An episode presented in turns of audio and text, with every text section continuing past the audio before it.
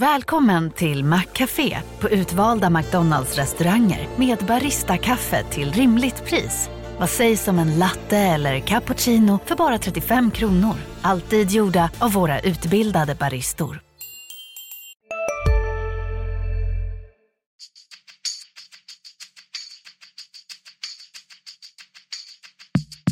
Skönt att komma ut och eh, bara lukta gräset. Så det, är, det är fotboll för mig.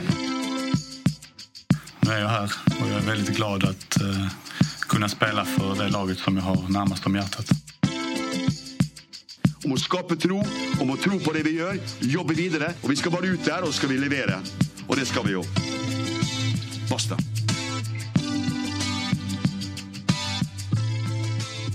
Välkomna tillbaka till MFF-podden. Det här är avsnitt nummer 251. Jag heter Fredrik Hedenskog och jag har sällskap av Max Wiman och Jan Jönsson. Hej på er! Hej hejsan! hejsan. Det är eh, idag den första juli. Eh, klockan är snart 14.00 på eh, eftermiddagen och Malmö FF ska alldeles strax hålla presskonferens. Vi håller koll på detta under tiden vi spelar in. Ehm, men det vi ska göra idag är i alla fall att vi ska prata om de saker som har hänt i och kring Malmö FF under sommaruppehållet. Eh, och blicka lite framåt här mot den allsvenska omstarten på ehm, lördag den 3 juli samt Europaspelet som då startar på onsdag. Eh, och jag bad eh, Max och Janne inför detta att eh, rangordna de olika eh, sakerna som vi har att förhålla oss till i att rangordna dem efter någon sorts betydelse för Malmö FF. Eh, lite oklart eh, både på lång och, och kort sikt. Eh, men om vi då börjar från början så var ni överens om att eh, den backförstärkning som vi då utgår från kommer att presenteras eh, vilken minut som helst här. Att det är att den hamnar överst på listan. Varför det, Max? Jag tycker det är ganska givet i en situation där eh, MFF, alltså Anel Ahmedhodzic, det är så tydliga signaler. Jag tycker det är lite märkligt tydliga signaler eftersom det inte finns något skrivet nu, verkar det som i alla fall. Men eh, att han försvinner i sommar. Eh, Frans Brorsson har också gjort antydningar om att han eh, eventuellt försvinner. Eh, Hugo Andersson har kommit tillbaka men har inte varit eh, blev aldrig aktuell för spel.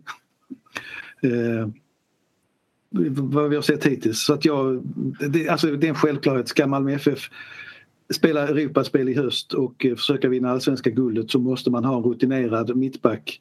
Eh, och då passar ju profilen på den finske spelaren Moisander väldigt väl in eh, som, som tidigare lagkapten för Werder Bremen.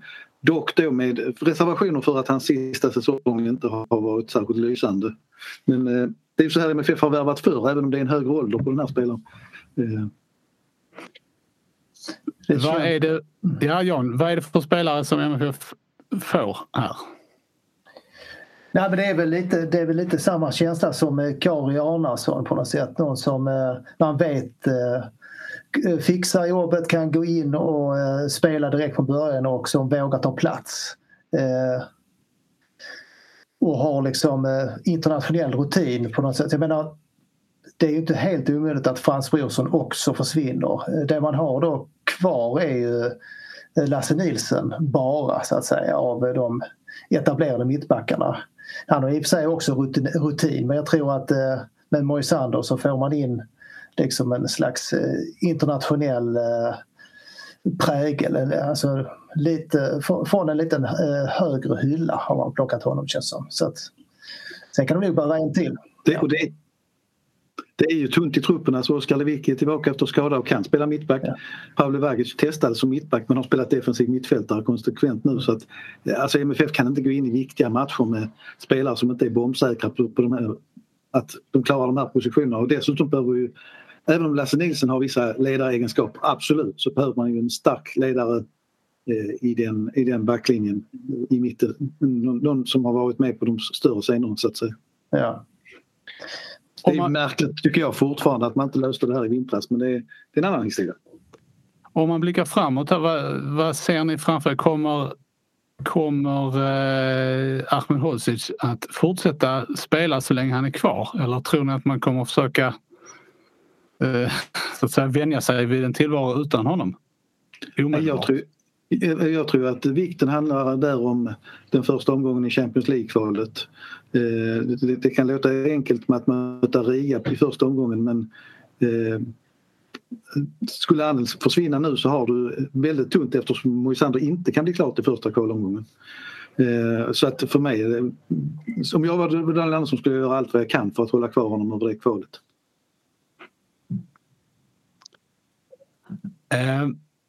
på eh, er gemensamma eller genomsnittliga andra plats i den här eh, viktighetsrankingen så har vi det faktum att Johan Dahlin är tillbaka. Eh, vad betyder det Jan? Jag tycker, jag vet vi reflekterade över detta här i under de här inledande allsvenska matcherna här att att jag tror eh, det, det han tillför det är ju liksom trygghet och rutin och att man... Men det är väl ingen som öppet kommer att kritisera Marco Johansson och han... Det är ju inte hans fel alla målen och att de har släppt in mål i varenda allsvensk match. Men jag tror att det är liksom på något sätt en pondus och en rutin som eh, känns liksom över hela banan. Tror jag som är, det är nog det viktiga. Sen vet man ju inte liksom, på något sätt. Det är en, han har varit borta väldigt länge och det är liksom en, en axelskada på något sätt eh, på en målvakt. Du Fredrik, du är själv gammal målvakt. Du vet ju kanske hur... Är han lite orolig eller på något sätt vågar han köra fullt ut och kan han köra fullt ut? Men eh, jag tror, jag tror det är en väldigt viktig trygghetsfaktor. Eh, som... Jag bara vika in då direkt att Niklas Moisander presenteras i detta ögonblick av Malmö FF. Ja. Då hade, att, du hade rätt. Fantastiskt. Ja, det ja, väl... slipper vi backa bandet. Skönt. Ja, det, det finns ju någon, någon, kollega till oss eh, på någon kvällstidning som uh, har de klassiska ingångarna har bestämt det här för flera dagar sedan så att uh, det var väl inte så större tvekan när det dök upp en pressträff. Men, eh, det, jag, skulle säga, jag skulle fråga dig Max med tanke på eh, oron i backlinjen eller vad man ska kalla det så eh, är kanske betyder kanske Dahlins återkomst ännu mer. Ja men så är det ju självklart. Det, det har ju varit en eh, säkert en osäker situation även inne i truppen eftersom man har förstått att Danne skulle försvinna. Och det har varit lite, lite skiften fram och tillbaka mellan Nilsen och Brorsson. Och, eh, alltså Johan Dahlin är en otroligt viktig eh, kugge i Malmö FF och det, det är inte det, det, är liksom ingen kritik eller något negativt om eh, Marco Johansson men, Johan Dahlin är eh, kanske allsvenskans bästa målvakt eller en av de mest betydelsefulla i alla fall och det är självklart att, att i det här läget som MFF dessutom är i nu ska vi komma ihåg om vi ska utveckla det hela ytterligare att Ola Toivonen är skadad hela säsongen. Anders Christiansen är inte med i omstarten. Eh, det innebär att det är två rutinerade spelare som redan är borta så att eh, Johan Dahlin är ovärderlig för Malmö FF i det här läget. Um, vi går raskt vidare här. Jag tänker bara så här, ska vi, ska vi bara notera vidare. Eftersom vi höll på nästan är live att Niklas, Niklas Moisander är född 1985 i Åbo. Eh, eh, har började sin karriär i TPS Eh, har spelat i Holland för Ajax, Zwolle, AZ, tillbaka i Ajax. Har sedan spelat i italienska Sampdoria och de senaste åren i Werder Bremen. Det är ju en rätt så diger meritlista så att eh, det är ju ett, ett, vad ska vi säga, en tydlig signal eh, att man inom MFF kanske tycker som vi andra har tyckt att det har fattats en, en spelare med riktigt stor internationell rutin där bak. Han har ju också spelat 62 landskamper för finska landslaget men han slutade ganska tidigt redan 2017. Det är ju, ja, det så, jämförelsen med, med Kari Arnason känns ju inte svår. Nej, eh, precis och jag tycker liksom att jag menar, nu, nu, har jag inte sett mycket, ska jag säga, erkänna, Moisander spela och Arnason gjorde väl också sina tokigheter på något sätt men det är ju lite grann det, man får så mycket mer och eh, ibland, alltså på något sätt tecknet på en, eh, de här spelarna på allra högsta nivå det är också att de gör sina misstag sen går de vidare. Alltså det, det, blir, det är ingenting som betungar. De gör inte mycket misstag. De kan göra han kan göra en jättetavla men det, det bekommer inte honom i det långa loppet och det tycker jag är liksom eh, viktigt. Men återigen, Lasse Nilsson är en väldigt duktig spelare men han är inte riktigt på den hyllan. När, MFF valde att, att plocka bort Rasmus Bengtsson eh, för så gjorde man ju. Eh, så, så satte man sig i sitsen av att man inte hade den där givne ledargestalten där bak som MFF har varit, vad ska vi säga, historiskt väldigt bra på att ha. Alltifrån inte minst Christer Kristenssons tid, Patrik Andersson eh, och så vidare.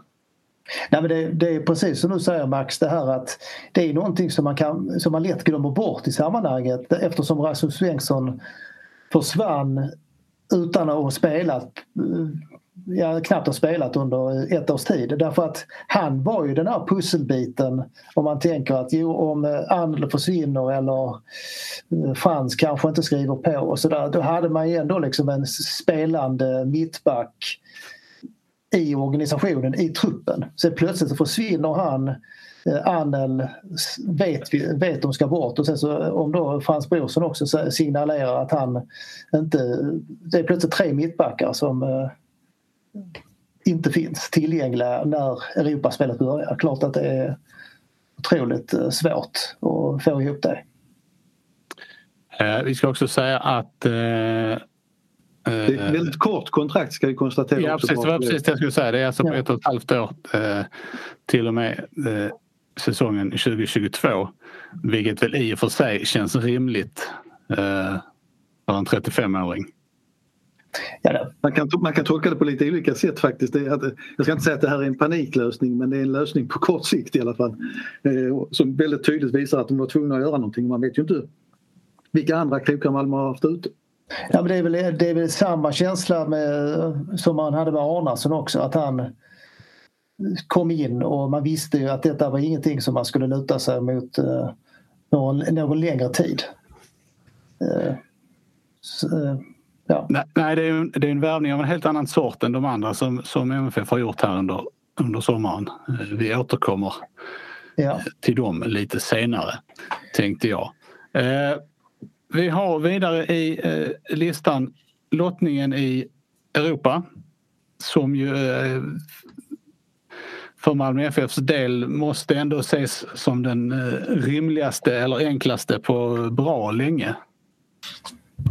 Um, Fast när jag säger det så tänker jag samtidigt på att de mötte ju trots allt Bnei Yehuda i eh, playoff till Europa League för inte så många år sedan. Så att det, ja, det, det, det, året var det ju rätt smidigt för dem, det måste man säga. Det, det är bara två år sedan. Ja. Eh, och det var Domsal kanske den svåraste matchen. Ja, där, var det, där blev det ju enklare efterhand ju. Ja. Eh, men på, om man tittar på pappret här så, så man tar FC Riga, till, eller Riga FC som de heter. Till att börja med så är det ju eh, avsaknad av Toivonen och Christiansen till trots ett motstånd som eh, Malmö FF ska kunna ta sig förbi ganska behändigt. Eller?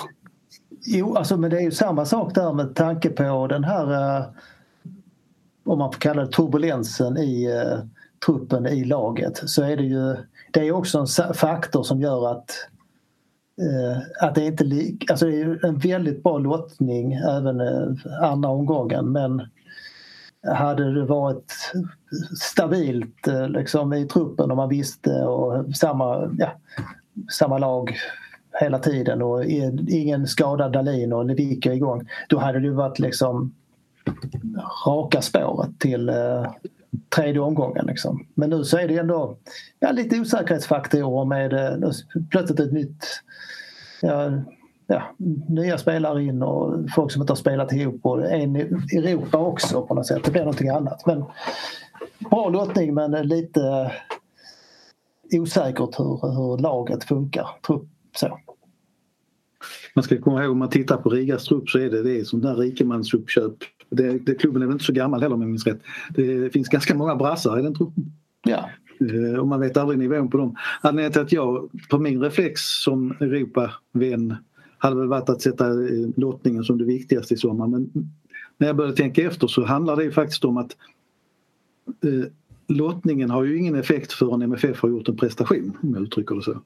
Det här är liksom lite grann upp till eh, alla de osäkerhetsfaktorer som Janne var inne och pekade på nu. Eh, att för MFF att prestera. Och jag är inte helt övertygad att det blir så lätt resa. Eh, jag kan känna rätt så stora frågetecken faktiskt i Anders Christiansens frånvaro då eftersom han är kvar med, landslaget. Eh, I, med danska landslaget. Och om danskarna går vidare så missar han även returen. Rätt. Ja, hade man haft eh, den här lottningen och ett lag som man hade för jag säger, ett, två år sedan eller så, då hade man liksom tänkt ja, ja, missar de där är det liksom ett superfiasko. Men nu så... Det är det ju fortfarande. Ja det är det. men, men det är ändå som Max det är verkligen upp till bevis. Alltså det, det ska bli väldigt intressant att se vad, vad man kan eh, prestera. Ja det krävs verkligen en, en, prestation på en, på en bra nivå. Eh, trygg och säker. Och då kommer man in på Johan Dahlin igen att alla hans matcher i Europaspelet och så vidare tillsammans med att jag tror att det är väldigt viktigt att Anel också är kvar över de två matcherna. Så kanske MFF kan snickra ihop någonting som, som, som klarar sig vidare. Det, det, som vanligt med de här matcherna kan det vara också så att gör du två snabba mål hemma så kanske det blir en lugn resa sen, det vet man inte. Men, men eh, blir det 1-1 i Malmö så, så är det plötsligt rätt så jobbigt. Jag tror ju faktiskt att eh, är en oerhört viktig spelare. Dels det här för kontinuiteten, han har spelat nästan mest av alla. Men jag tror också att han kan eh, tända till lite extra för att han vill lämna på ett bra sätt. Eh, det har ju varit lite sådär att han har känts rätt så färdig med allsvenskan och eh, så. Men detta tror jag, det hade varit, det, det tror jag absolut att han kan prestera där i Europaspelet. Här. Och vi måste betona att vi vet ju inte i det här läget om han finns kvar. Så det, det är Nej. väldigt mycket frågetecken. Han kanske är kvar ännu längre, vem vet. Men, men eh, transferfönstret öppnar ju innan det så vi kanske också ska förklara det att eh, transferfönstret i Europa, ut i Europa har öppnat nu. Eller ja, i vilken dag som helst om det inte redan har öppnat. Men i Sverige som har så korta fönster på sommaren så är, är det först i mitten av den här månaden som det öppnas vilket innebär att MFF inte kan använda några nya spelare eh, i den första omgången i kvalet. Och att Anel kan, eh, vad ska man säga, egentligen försvinna när som nu i juli månad. Ja, det, och den, den kan försvinna nu och det, det hänger ju på sen då vilken klubb, eh, om man ska gå till Atalanta som du har talat med så om jag minns rätt så går de väl direkt in i Champions League-gruppspel i höst och då kan han faktiskt spela för dem också även om han har spelat kval för Malmö FF. Ja. Så det finns en sån aspekt också på att alla spelare som, som eller alla lag som eller spelare som går till lag som är direkt inne i gruppspel kan spela kval och sen gruppspel. Nej, därför, det känns ju lite som att det här är ju, alltså Moisander är ju svaret på att eh, Anel försvinner. Eh, men att det är kanske så att eh, de inte byter plats förrän eh, i mitten av juli då. Eh, vi går vidare i betydelserankingen och kommer till fjärde plats där vi har det faktum att publikrestriktionerna nu lättas. MFF skriver till exempel på sin eh, hemsida att man eh, eh, räknar med att kunna ta emot drygt 4 000 åskådare till, i den första hemmamatchen, det vill säga den som är mot Riga nästa vecka. Eh, hur, vad känner du inför, inför publikens eh, återkomst, Max? Mm. Klart att vi alla har längtat efter den och vi har fått se några av dem på stadion. Eh, nu eftersom man har haft 500 åskådare på någon match. Men eh, det är klart att det har betydelse. Det, det, jag är övertygad att det har det. Eh, att det blir just runt 4 000 det har att göra med Uefa-restriktioner som är tuffare än de svenska. Det som allmänt bekymrar mig det är att eh, alltså den här smittsynpunkten egentligen två saker. Dels är det ju att, att det, det talas om hur mycket det har spritts ut i Europa på, på eh, EM. Nu har Sverige ingen stor spridning nu men det, det är liksom en varningsklocka framöver. Men framförallt är det den, den osäkerhet om hur man tolkar de här reglerna.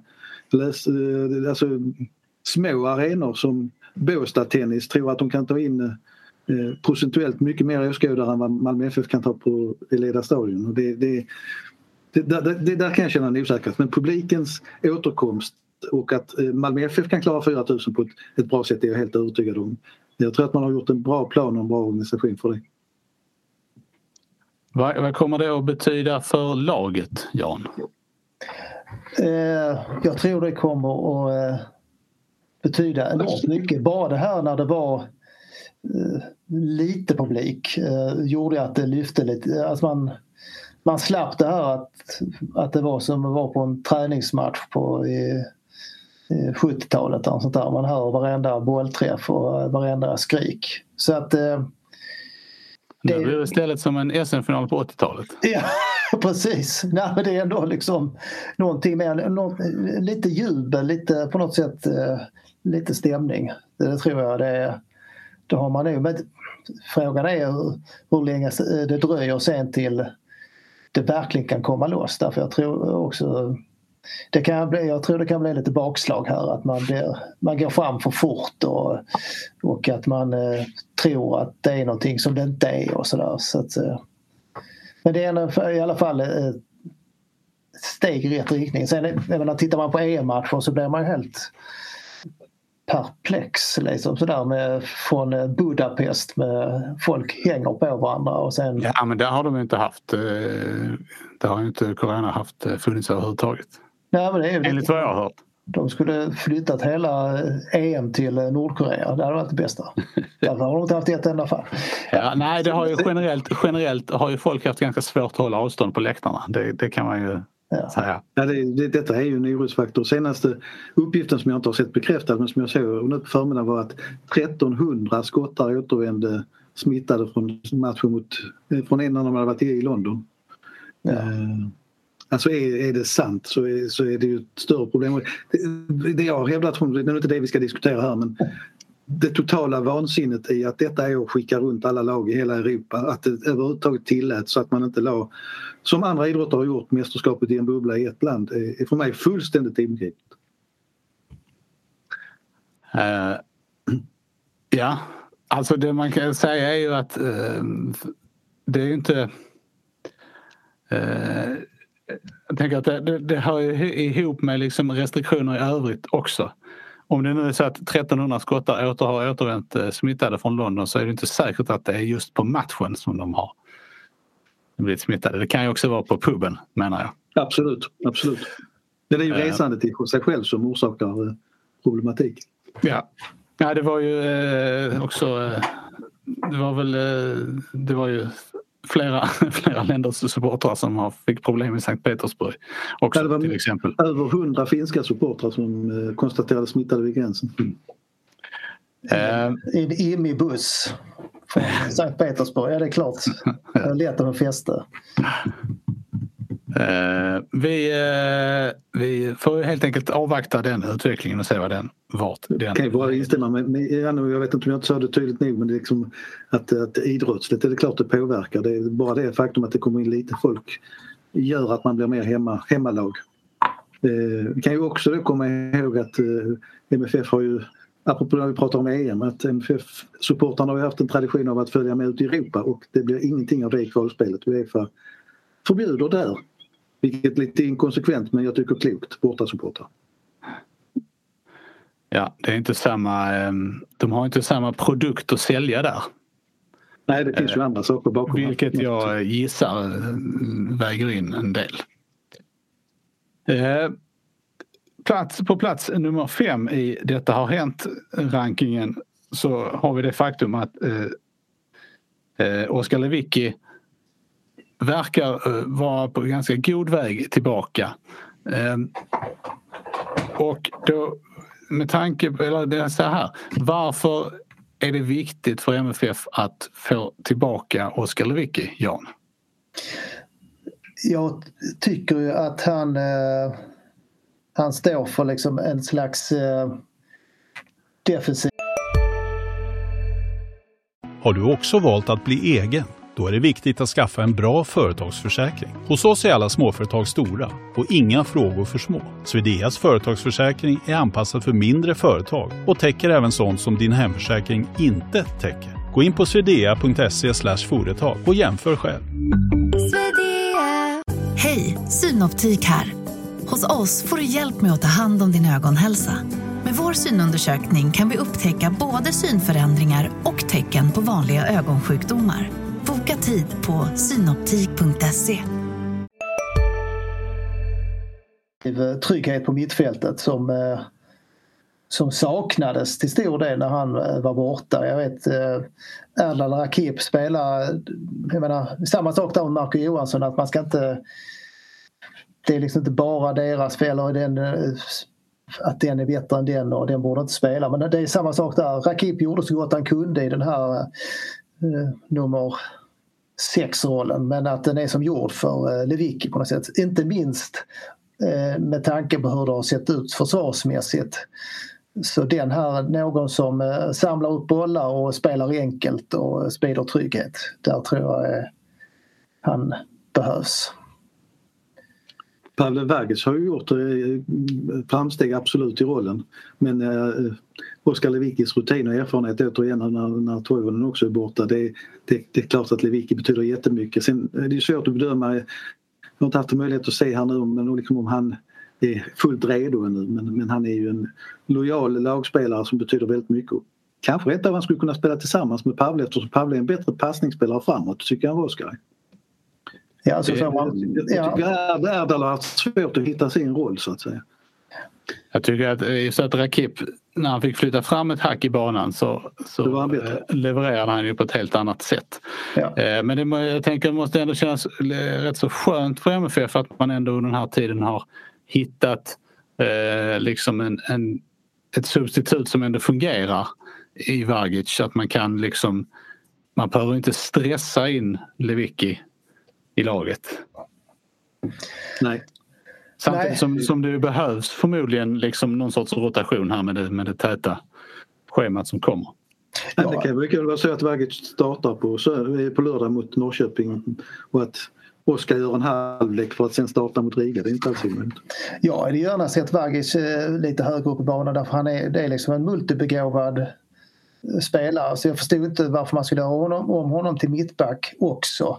Eh, men sen i och för sig det är väl smart att ha i bakfickan men han är ju i grunden en offensiv spelare som ska göra saker längre upp i banan. Så därför så han kan absolut fungera med, eh, med Lewicki och Rakip. Rakip kan eh, ta ännu ett steg upp, eh, kanske upp i ACs roll. Fast i och för sig är det väl kanske Nalit som har spelat där och känns som att det är hans nummer 10-roll.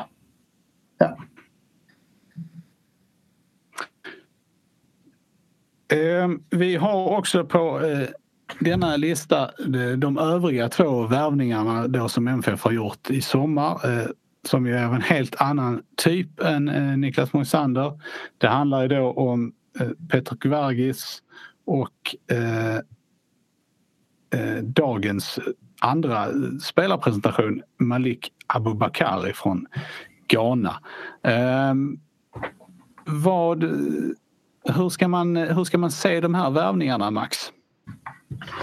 Ja, först och främst så tycker jag faktiskt det är jätteroligt. Alltså, även om jag är journalist så tycker jag det är väldigt roligt att Daniel Andersson än en gång lyckades eh, hitta en spelare och ett namn som, som inte har nämnts någonstans vad jag vet i alla fall.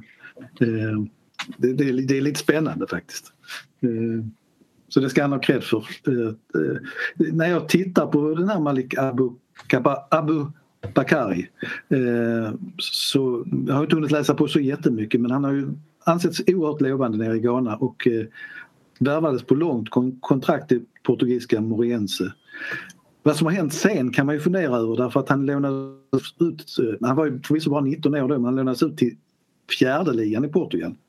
Det var där han gjorde nio mål och två assist på 23 matcher första året. Men däremot så har han i år spelat i andra ligan i Casapia.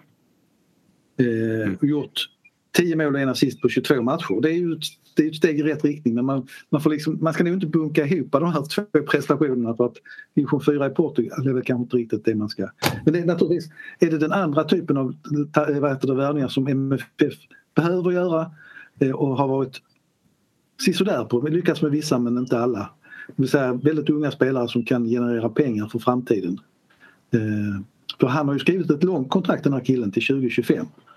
Eh, och det kan ju innebära att skulle han göra succé här under två år i Malmö FF så kan han ju gå till en större klubb för stora pengar.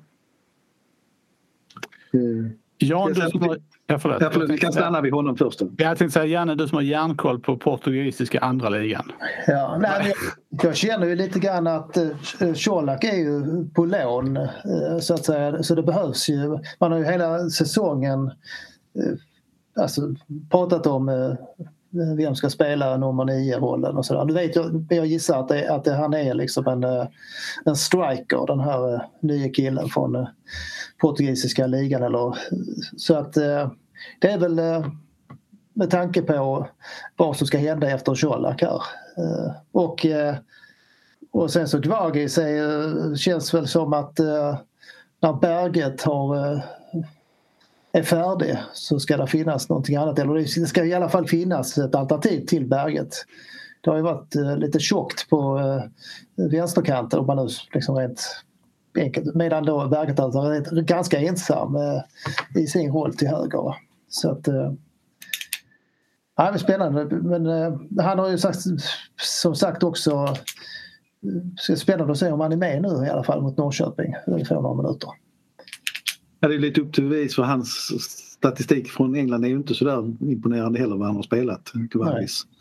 Så att, ja, det, där, väl... det, där, är ju så himla svårt. Alltså, ja, det är jättesvårt att bedöma det. Eh, Jo Inge Berget och eh, Magnus Wolf Ekrem hade ju heller ingen eh, imponerande statistik med sig från, Nej. från Cardiff. Inte, så att, inte... man... Nej. Eller Swansea. Nej, Nej det är svårt, samtidigt så de, var, de var ju lite mer rutinerade trots allt Alltså de hade mer skinn på näsan, vilket kan vara både en för och en nackdel. Men de, de hade ju spelat mer fotboll på toppnivå. Sen vet man ju, man ser, har ju sett på Annen liksom hur snabbt genombrottet kan komma. Och det, det, kan ju förändras väldigt snabbt för en spelare som kommer hit till Malmö också. Så det, det, är klart att de är spännande men jag tror inte att det är de som gör skillnad i sommar. Eh, inte Glargis i alla fall. Eh, han bör, han bör lite, han behöver, han behöver lite mer ungefär som en eh, Emil Forsberg. Han var kanske lite mer etablerad när han kom till Malmö men han, var ju, han behövde ju en, en säsong när han spelade 72 minuter i varje match och blev utbytt till att liksom ta nästa steg. Så att, eh, ja, I min värld så känns det mer som att Malik Abubakar skulle kunna vara den som, som skräller till och eh, får ett genombrott, det vet man ju inte. Jag, jag vet inte om han kan spela bakom Colak till exempel. Nej. Han är väldigt stor, eller inte väldigt stor, han är stor, 1,85 då. Jag är 1,86, jag är inte stor. Ja. Det handlar ju om också hur de faktiskt eh, ställer upp i slutändan. Han har ju varierat spelet lite mer. Det handlar om perspektiv, Jan. Ja, jag vet. Om nu Max säger att 1,85 är... För, för Max är 1,85 jättelångt. Så är det så är det. När man är 1,71 så är 1,85 jättehögt. Ja, precis. Å andra sidan har jag rört mig bland två meters basketspelare hela mitt liv. Ja, precis. Du borde ju vara mer än, mer än van vid detta. Eh, ja, jag tänkte att vi eh, ska, ska beröra eh, det pågående EM-slutspelet också lite grann här. Framförallt kanske genom det eh, uttalande som, som, eh, som Emil Forsberg gjorde om, om MFF-gänget i landslaget och den liksom ständigt pågående, det ständigt pågående samtal som förs om, om återflytt. Eh, och det, känd, det, kändes, det kändes inte som någon, något väldigt överraskande besked men ändå ett, ett uttalande som, som borde få många MFF-supportrar att känna sig ganska väl till mods. Ja och, och sen eh, dessutom att eh, där sitter en eh, Jimmy Domas i en, i en tv-studio och känns lite som att Ja visst ja, där är han ju. Vad händer med honom nu? Därför han skulle ju varje dag i veckan gå in i en Toivonen-roll till exempel. Alltså en second striker, eh, offensiv mittfältare centralt. Eh, Även om han var en kantgubbe när han spelade i Malmö. Han är ju han är så klippt och skuren. Så att, eh, ja, vi har ju frågat om honom rätt länge nu. Eh, om det inte är dags för honom att flytta hem. Och han, har ju, han har ju själv, där har ju Malmö FF varit eh, mästerliga på att eh, skapa det här, eh, den här tillhörigheten måste man faktiskt säga. Att alla säga, spelare som eh, slår igenom här är ju väldigt eh, sugna på att komma tillbaka känns det som. Eller kanske inte alla men eh, det stora flertalet. Så att eh, Forsberg känns ju spännande och kul att han liksom säger det men sen tänker man att han har precis förlängt med Leipzig så att det, det ligger lite längre bort. Men Jimmy Domas han kan eh, stå där eh, när som helst eh, tror jag. Det som talar emot Domas tycker jag är det du är inne på Janne att det här har pratats väldigt länge om detta. Utan att det känns riktigt konkret. Eh, så att jag är, jag är inte helt övertygad men, men jag har samma tvivel vad det gäller Emil Forsberg att det är lätt att säga en sak nu men han är fortfarande på väg uppåt väldigt mycket i karriären. Och det, det, det är väldigt svårt att säga var det tar vägen till slut. Mm. Att Pontus Jansson kommer hem det vet vi väl alla att det känns helt givet om inte han skadar sig. Eh, och det hänger på hur det går i Premier League det, detta året kanske. Jag skulle tro att han dröjer två år till. Ja, alltså det blev ju lite fördröjt. Alltså när, när han mot alla odds till slut lyckades gå upp i Premier League efter sju sorger och elva bedrövelser.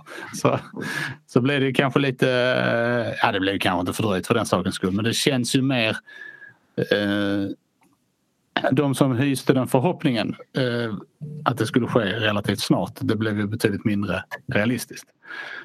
Och Helander eh, var ni på väg att säga något om när jag gick in här så varsågoda och ta upp den tråden. Ja, men Helander är väl också en sån som jag kan se som en återvändare men det är också det är lite svårt att veta när han verkligen är mogen för det. Eh, den femte som du pratade om var väl Robin Olsen då också. Ja. Eh, och det, den är kanske ännu svårare eftersom målvakter kan ha väldigt långa karriärer. Men det, ja. det, det, som, det som är Han har väl spelat till sig ett nytt kontrakt nu också någonstans. Någonstans borde han ha gjort det. Och det som är en väldigt positiv signal för MFF är ju att Pontus Jansson, för det är ju han i vanlig ordning, lyckas liksom få de här 50 att ställa upp på samma bild och ändå skicka ut en signal till att det, det finns ett eh, ett spännande intresse framöver. Ehm,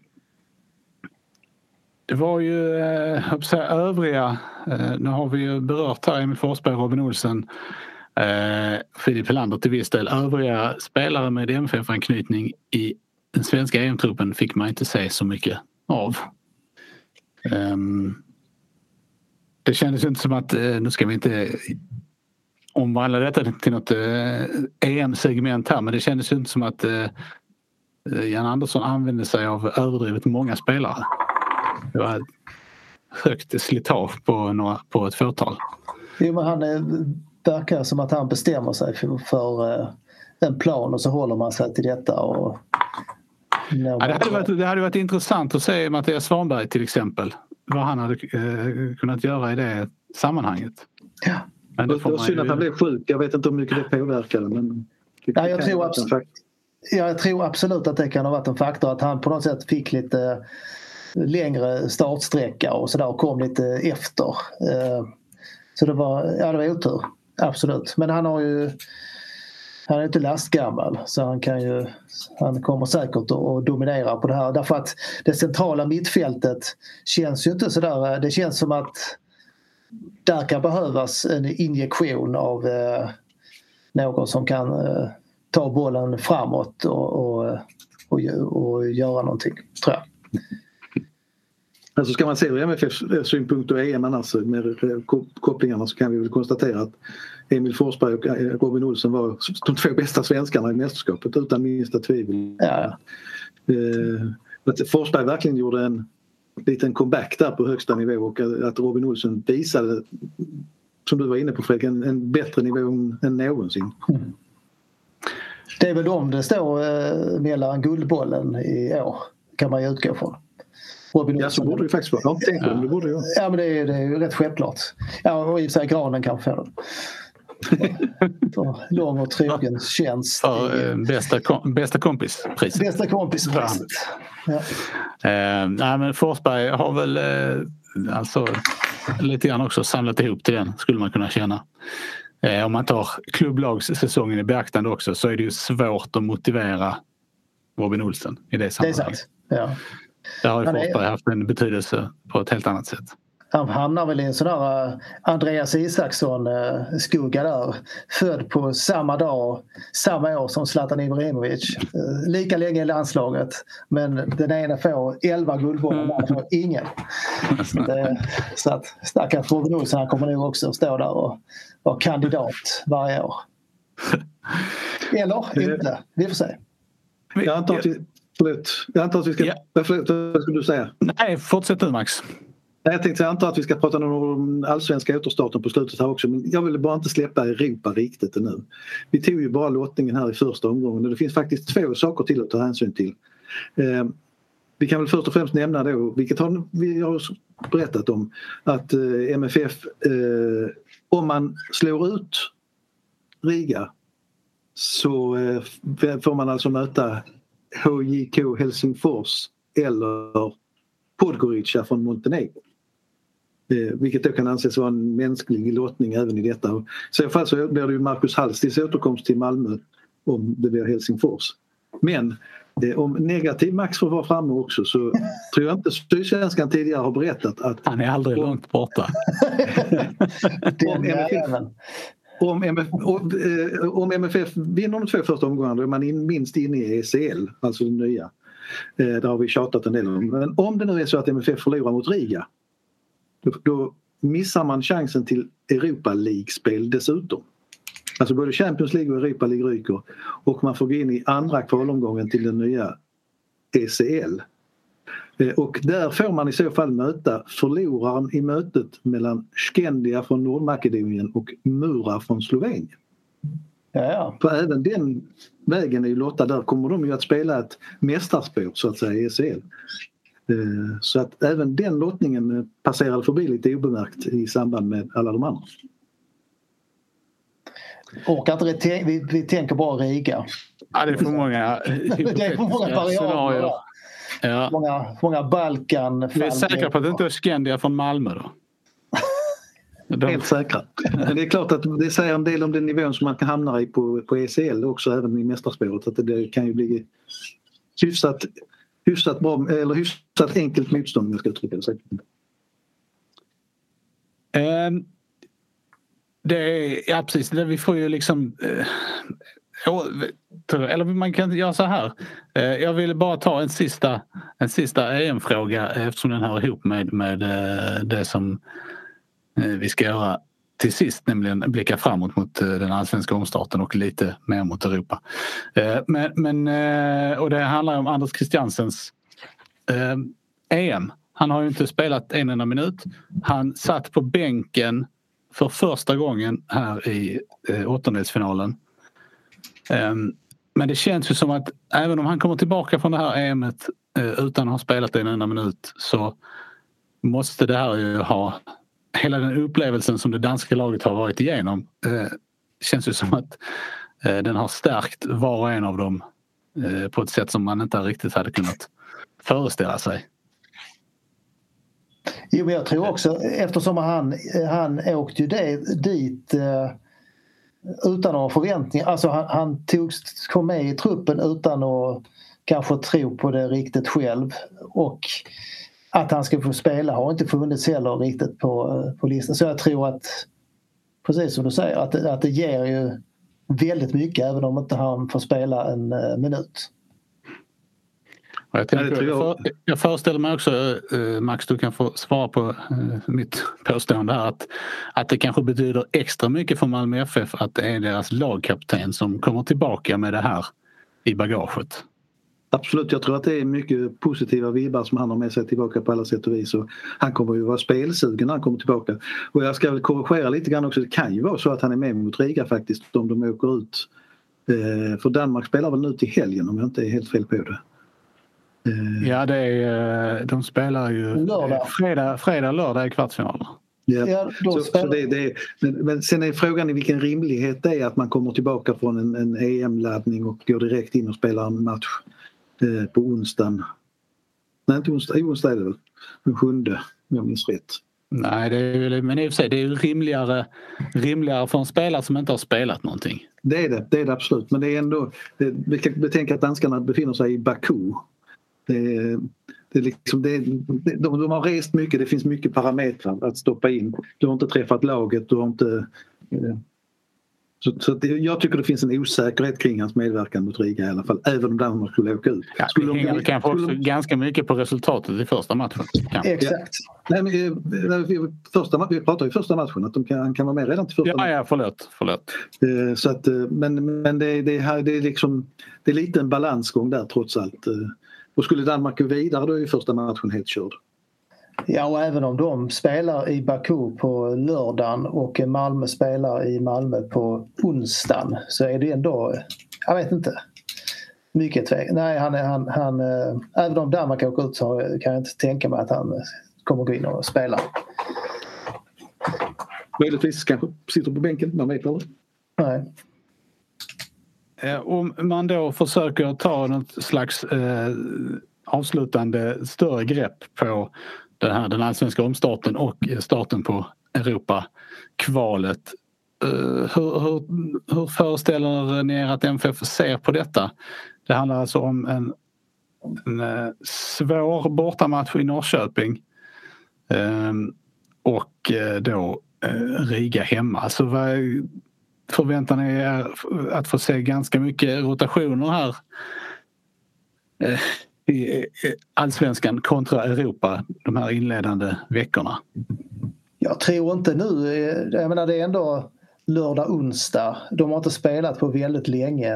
Eh, det är eh, tufft motstånd första matchen här, Norrköping. Och, nej, jag tror nog att man vill in och köra med det bästa man har på något sätt. Och likadant eh, Riga. Sen kan det ju säkert bli en och annan förändring och sådär men jag tror nog att eh, man vill eh, här kommer inte vara sådär att man ska spara spelare och sådär i det här läget när man har haft ett uppehåll och sådär. Det tror jag inte. Jag tror att så här, det är trots allt så här att allsvenskan, ett, ett kryss i Norrköping eller rent av en förlust går att reparera längre fram. Eh, Men in- insatsen mot Riga går inte att reparera på ett rimligt sätt. Eller kan bli svår att reparera i alla fall. Eh, Så jag tror inte att man tar några risker mot Norrköping. Jag tror säkert att man kommer att ställa ett så bra lag som det går på benen men jag tror inte att man kommer att ta några risker. Det vill säga alltså någon spelare som har minsta lilla känning eller eh, på något sätt är tveksam kommer man inte att köra in i första taget. Det är väl ett skäl till att, att, att inte Oskar Lewicki startar på konstgräs uppe i Norrköping i alla fall. Ja, just det. Ja, har ni några andra eh, outsagda tankar som ni vill dela med er av innan vi rundar av?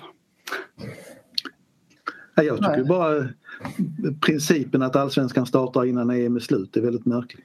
Jag förstår inte den riktigt. Eh, Man klarade ett mer komprimerat program förra året. Eh, Delvis eftersom man startade så sent som man gjorde. Eh, Så att jag, det känns inte riktigt rättvist även om det inte är, är så många spelare och så många lag som är drabbade. Men lite, lite märkligt tycker jag det.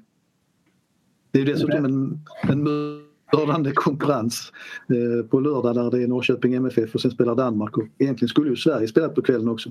Nu är det ju publikrestriktioner men, men eh, det visste man väl faktiskt inte när man la spelprogrammet om man ska vara lite så krass. Nej, det är lite tajt där. Det är väl eh, Norrköping, Malmö 15 och sen så Danmark eh, 18. Så att, Och så hade Sverige spelat 21 om man nu hade orkat slå just Ukraina. det. Just det. Ja, det var att boka bästa platsen i soffan Ja, och sen eh, se till att bli där. Ja, Jag tycker det är kul att både Europaspelet och Allsvenskan drar igång igen. Jag är EM i all ära men det, klubblagsfotbollen har, eh, har en, en, vad ska vi säga, mer regelbunden och eh, stark puls på det sättet eftersom den är varaktig. Då sätter vi punkt där. Vi återkommer eh, vad det lider. Det är lite svårt att säga exakta datum här med tanke på att MFF eh, spelar eh, så mycket matcher och eh, vi har eh, scheman och semestrar och andra saker att ta hänsyn till. Så det får, det får bli när det blir helt enkelt. Tills dess så har detta varit avsnitt nummer 251 av MFF-podden där vi anser att konstgräs ska förbjudas i svensk elitfotboll. Jag heter Fredrik Hedenskog, jag har haft sällskap av Max Wiman och Jan Jönsson och ansvarig utgivare är Jonas Kanje. Tack för oss, hej hej!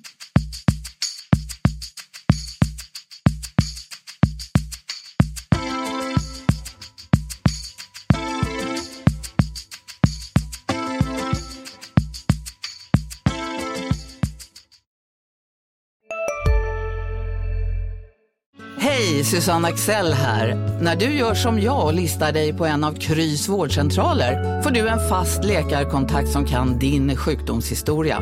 Du får träffa erfarna specialister, tillgång till lättakuten och så kan du chatta med vårdpersonalen. Så gör ditt viktigaste val idag, lista dig hos Kry. Ska några små tassar flytta in hos dig? Hos Trygg Hansa får din valp eller kattunge 25% rabatt på försäkringen första året. Läs mer och teckna djurförsäkringen på trygghansa.se. Trygg Hansa, trygghet för livet.